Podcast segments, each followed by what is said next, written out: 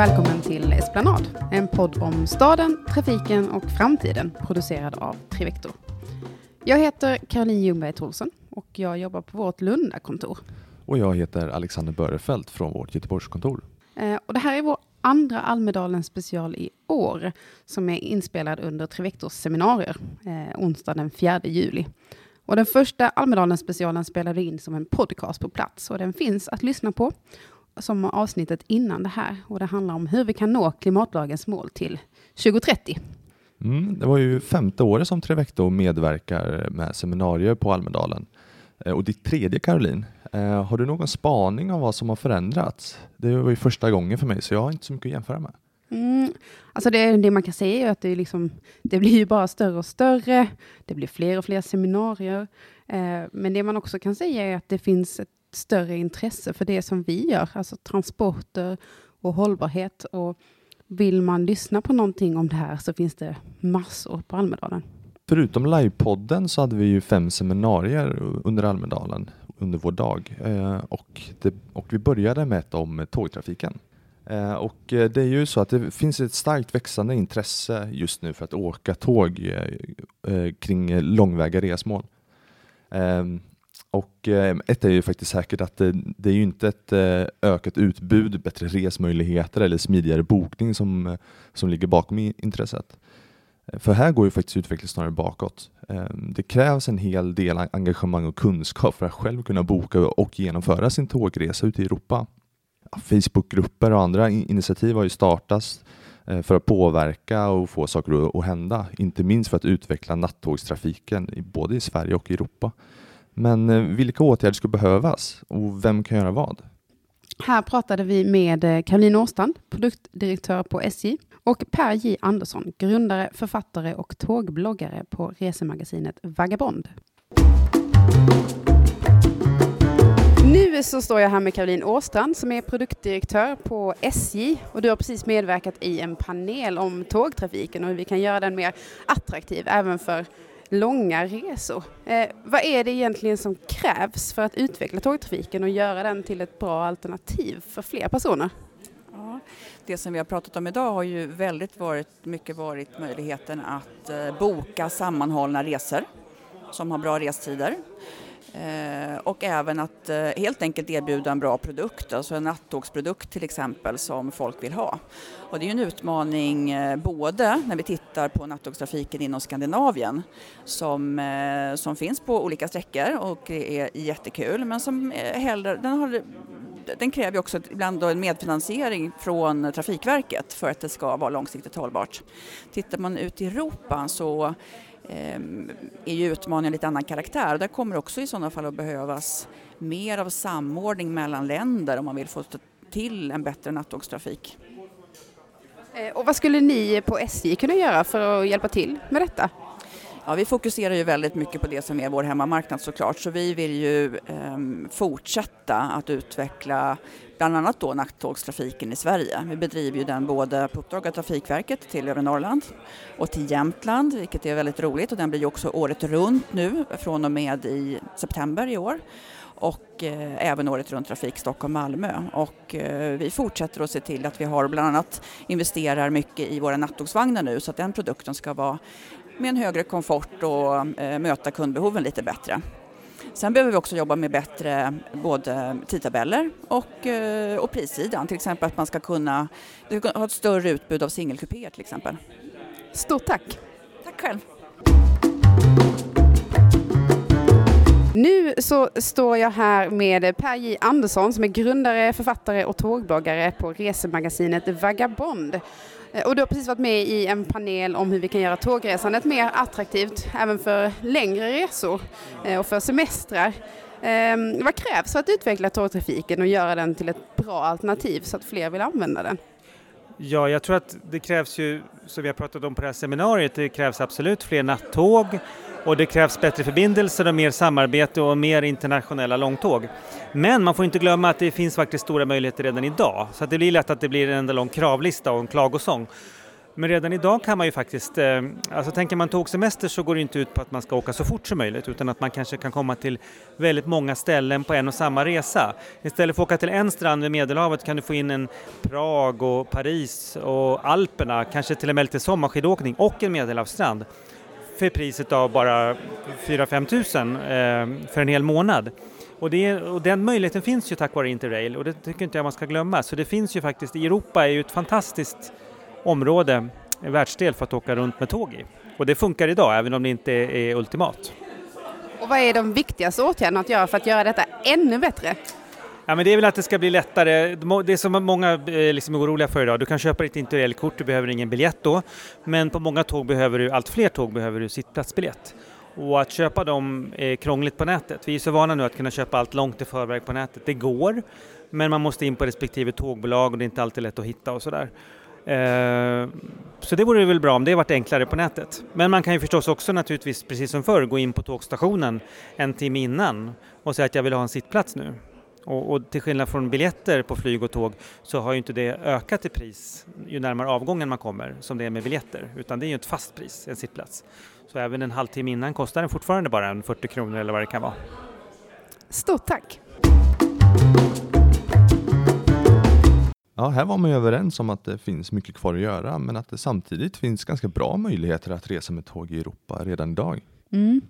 Ja, det finns ju en del kvar att göra, för tittar man på hur det är att boka flyg i Europa till exempel och jämför det, så är det otroligt mycket enklare än om man ska boka en tågresa.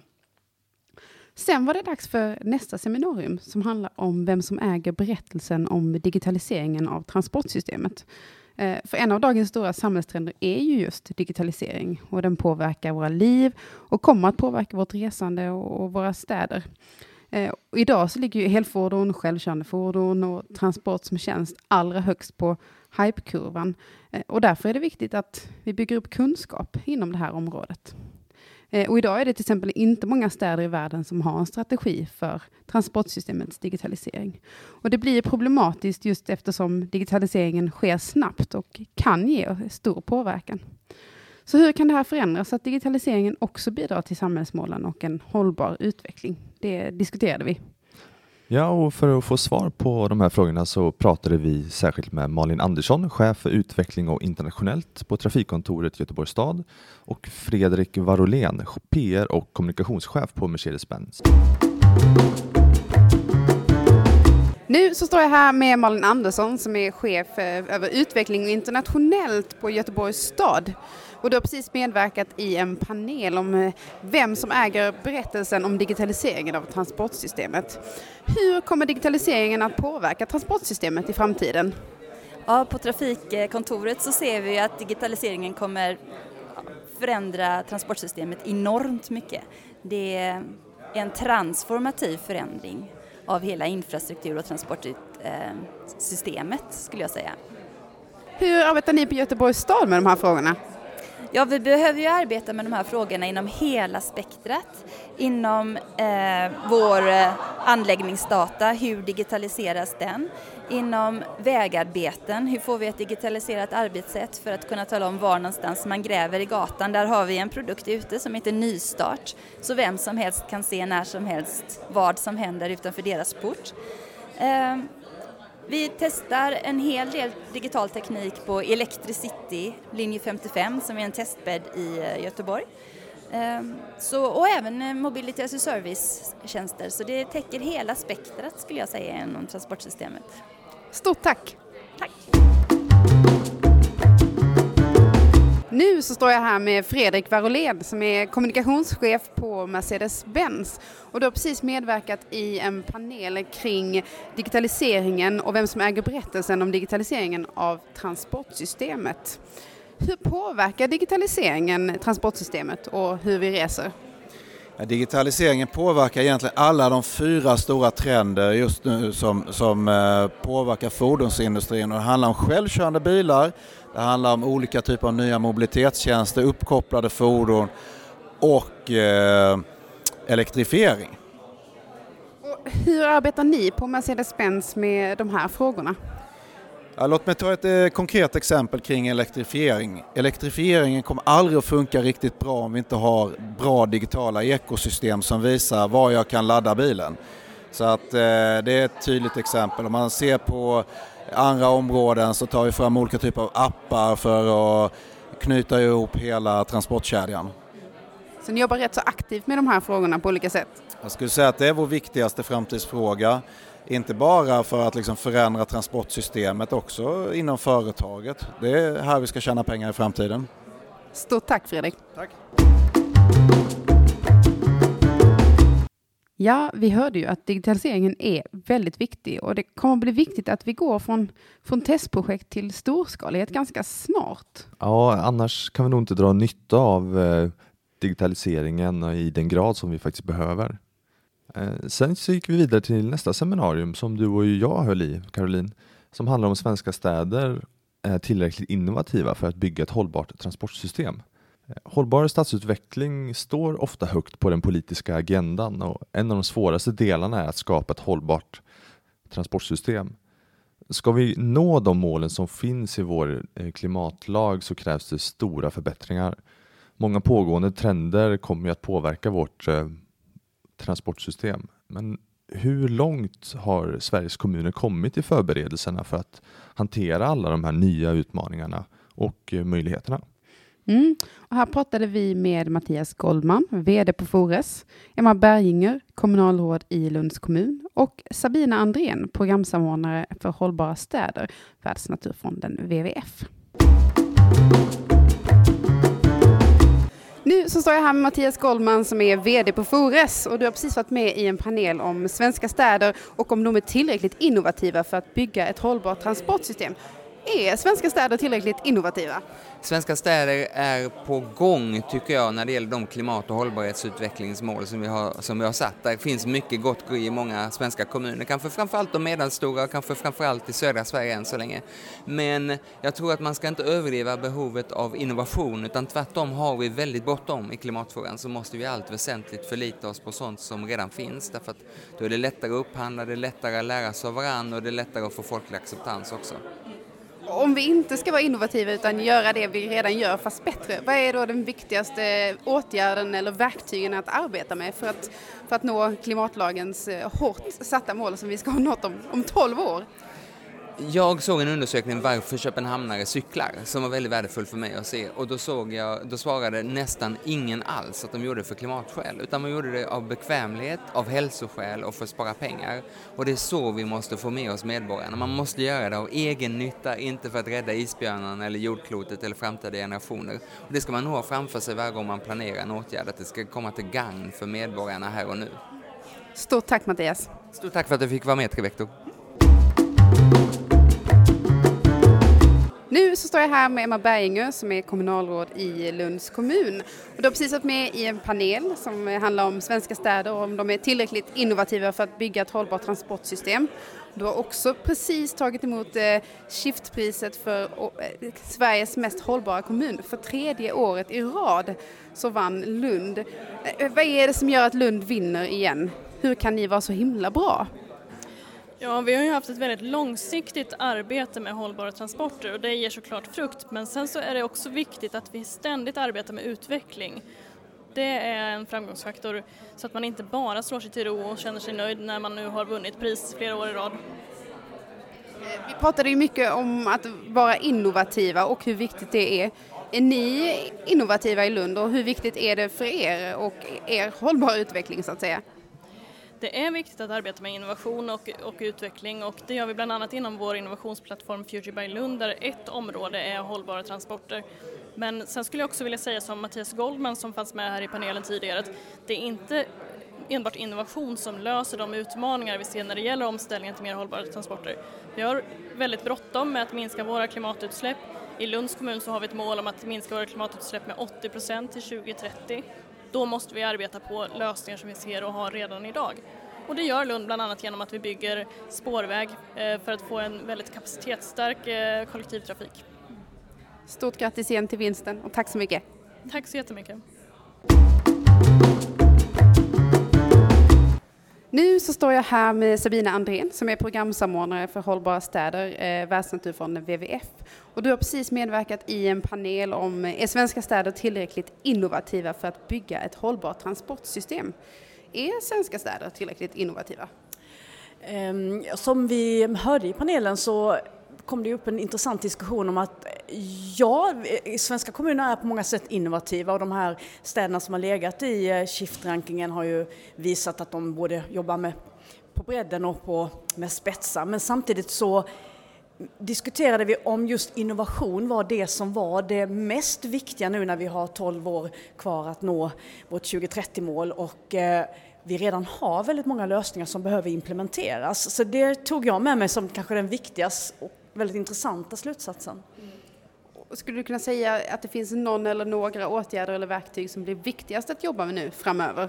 Eh, ja, självklart, i grunden ligger ju det här att vi ska fasa ut fossila bränslena i, eh, i hela fordonsflottan.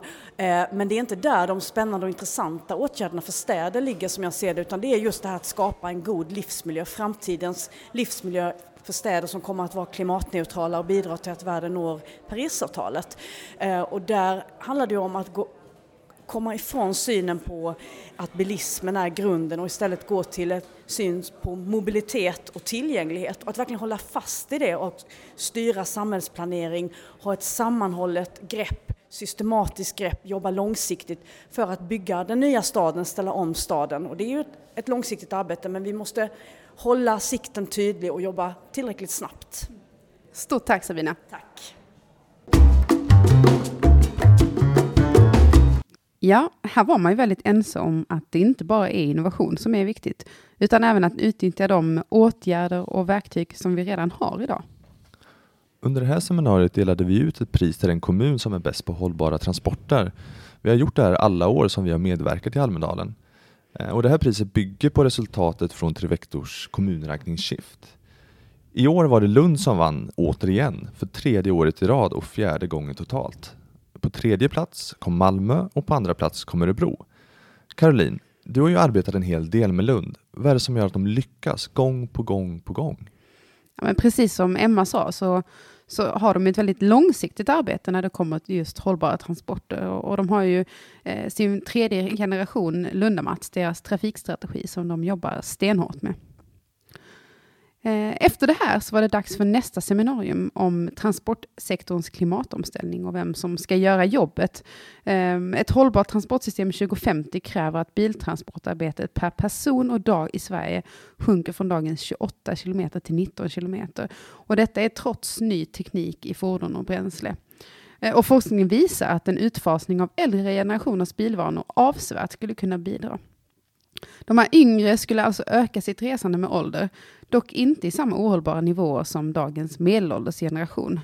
Och dessutom så är yngre idag mer benägna att ändra sig för klimatets skull än äldre. Så vad krävs för att realisera potentialen i yngres och mer hållbara beteende och eh, attityder? Mm, för att få svar på de här frågorna så pratade vi med Lorentz Tovatt, riksdagsledamot eh, för Miljöpartiet, Gustav Hemming, regionpolitiker för Centerpartiet och Lena Heselius, universitetslektor på Lunds universitet. Nu så står jag här med Lorentz Tovatt, riksdagsledamot från Miljöpartiet. Och du har precis medverkat i en panel om klimatsektorns omställning, eh, om vi ska låta barn och unga göra jobbet. Det är ju så att unga har ju andra resvanor än äldre. Ska de ta ansvaret och, och göra det här stora jobbet? Ja, det skulle man nästan kunna säga. Alltså, eh, det vi vet och det som vi fick en dragning på här på seminariet var ju just att eh, unga har andra resvanor än, än, äldre. Eh, och även faktiskt att om man jämför unga idag med unga för 40 år sedan, att de har andra resvanor. De reser inte helt enkelt lika mycket med bil.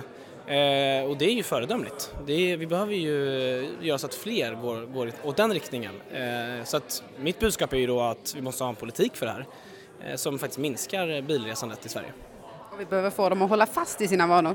Eh, kopplat till detta så diskuterar ni ju, kommer vi nå våra klimatmål 2030? V vad säger du om det? Ja, jag tror att vi kommer det. Eh, vi har alltid överträffat våra klimatmål hittills.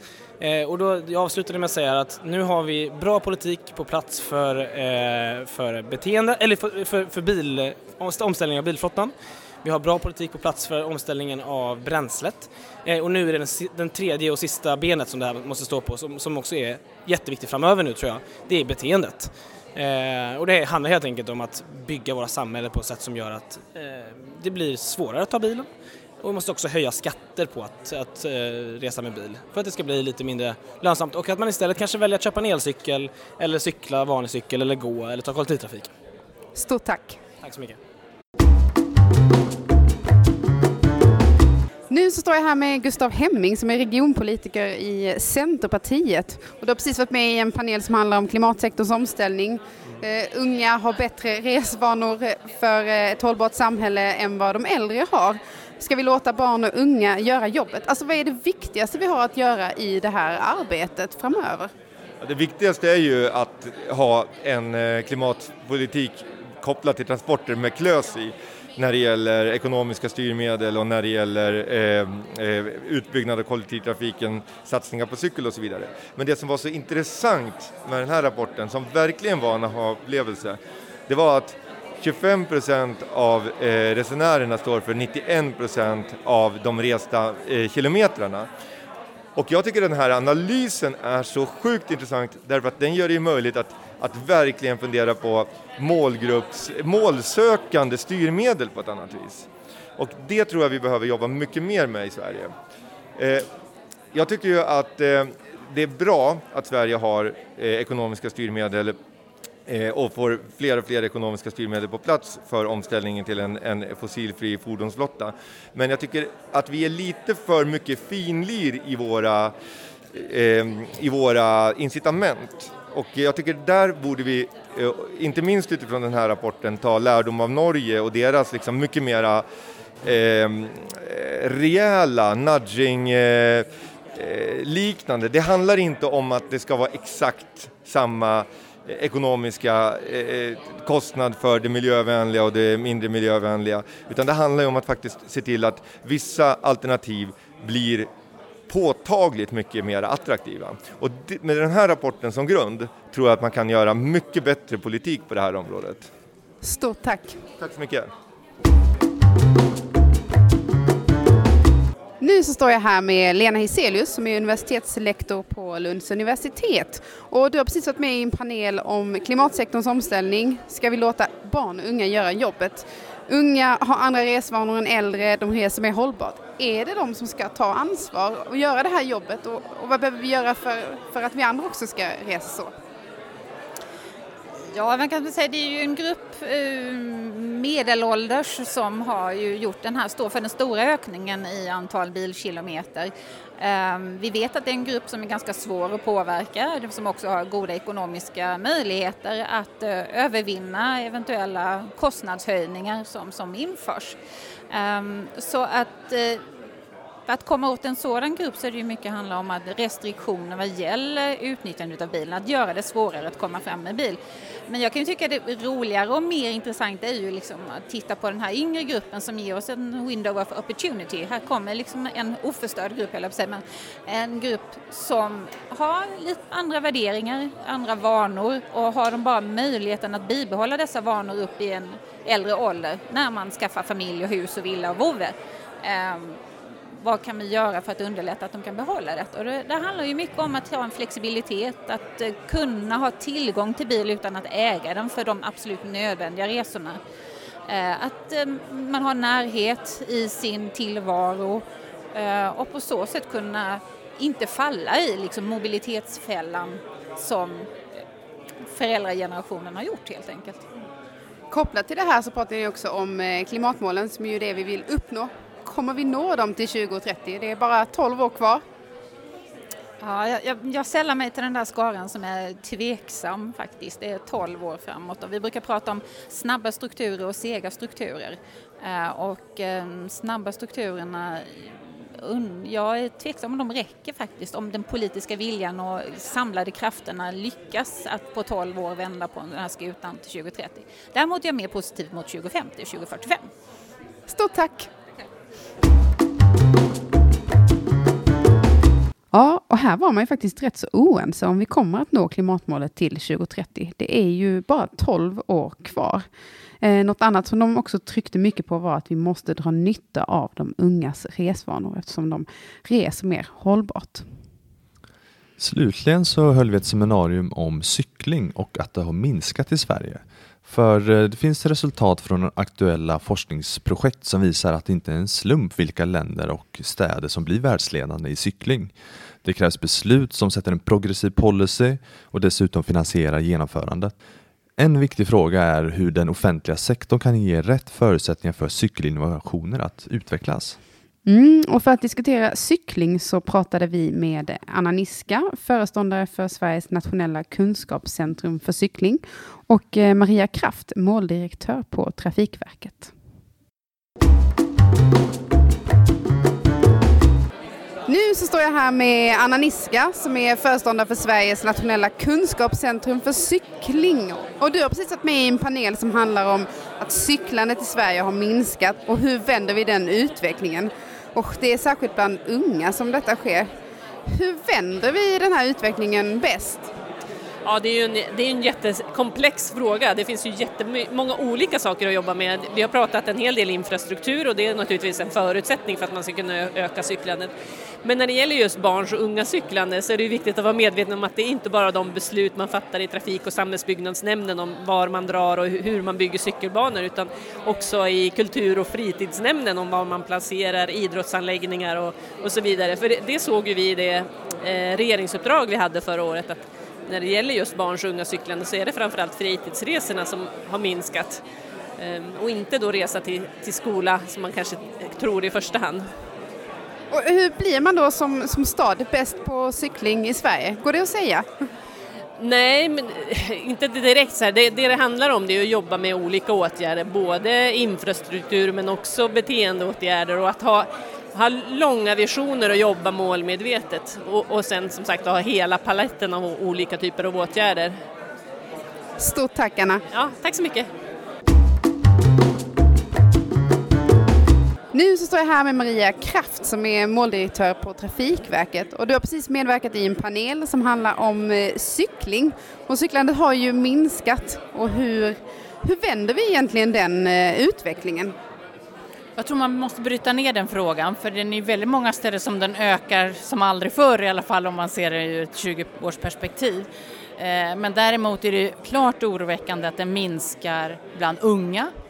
Eh, och, och och det är inte så att det har blivit sämre möjligheter att cykla till, sin, till skolan. Det är säkrare än någonsin och sen finns det säkert exempel där det är mindre bra men generellt sett är det säkrare än någonsin och ändå minskar det påtagligt. Så det handlar inte om infrastruktur utan det handlar om vad är det som gör att det minskar och vad borde vi göra för att kunna möta de utmaningarna? Det, tror jag, det pratar vi alldeles för lite om här men det, det, den löser man inte bara med infrastruktur utan den frågan är mycket mer komplex än så. Och vilket ansvar har Trafikverket i det här? Vårt uttalade ansvar är ju eh, kopplat till eh, infrastrukturen på statliga vägar men vi har ju också övergripande ansvar för exempelvis trafiksäkerhetsfrågor och att vi ska gynna och ska med och stödja saker och ting som sker på regional och lokal nivå. Med forskning eller med att hitta guidelines och sådana saker. Men det är inte vi som löser dem. Stort tack Maria. Tack ska du ha. Verkar ju som att cyklandet minskar och framförallt bland unga. Viktigt är ju också att vi fortsätter arbeta med fritidsresor. Mm, och det som den här panelen sa, det är ju intressant kopplat till det förra seminariet eh, där vi sa att vi behöver dra nytta av ungas resvanor och då behöver vi verkligen få dem att börja cykla igen. Det var allt vi hade från detta årets Almedalsvecka. Vi hörs snart igen i nya avsnitt av Esplanad med nya spännande gäster. Hej då! Hej då!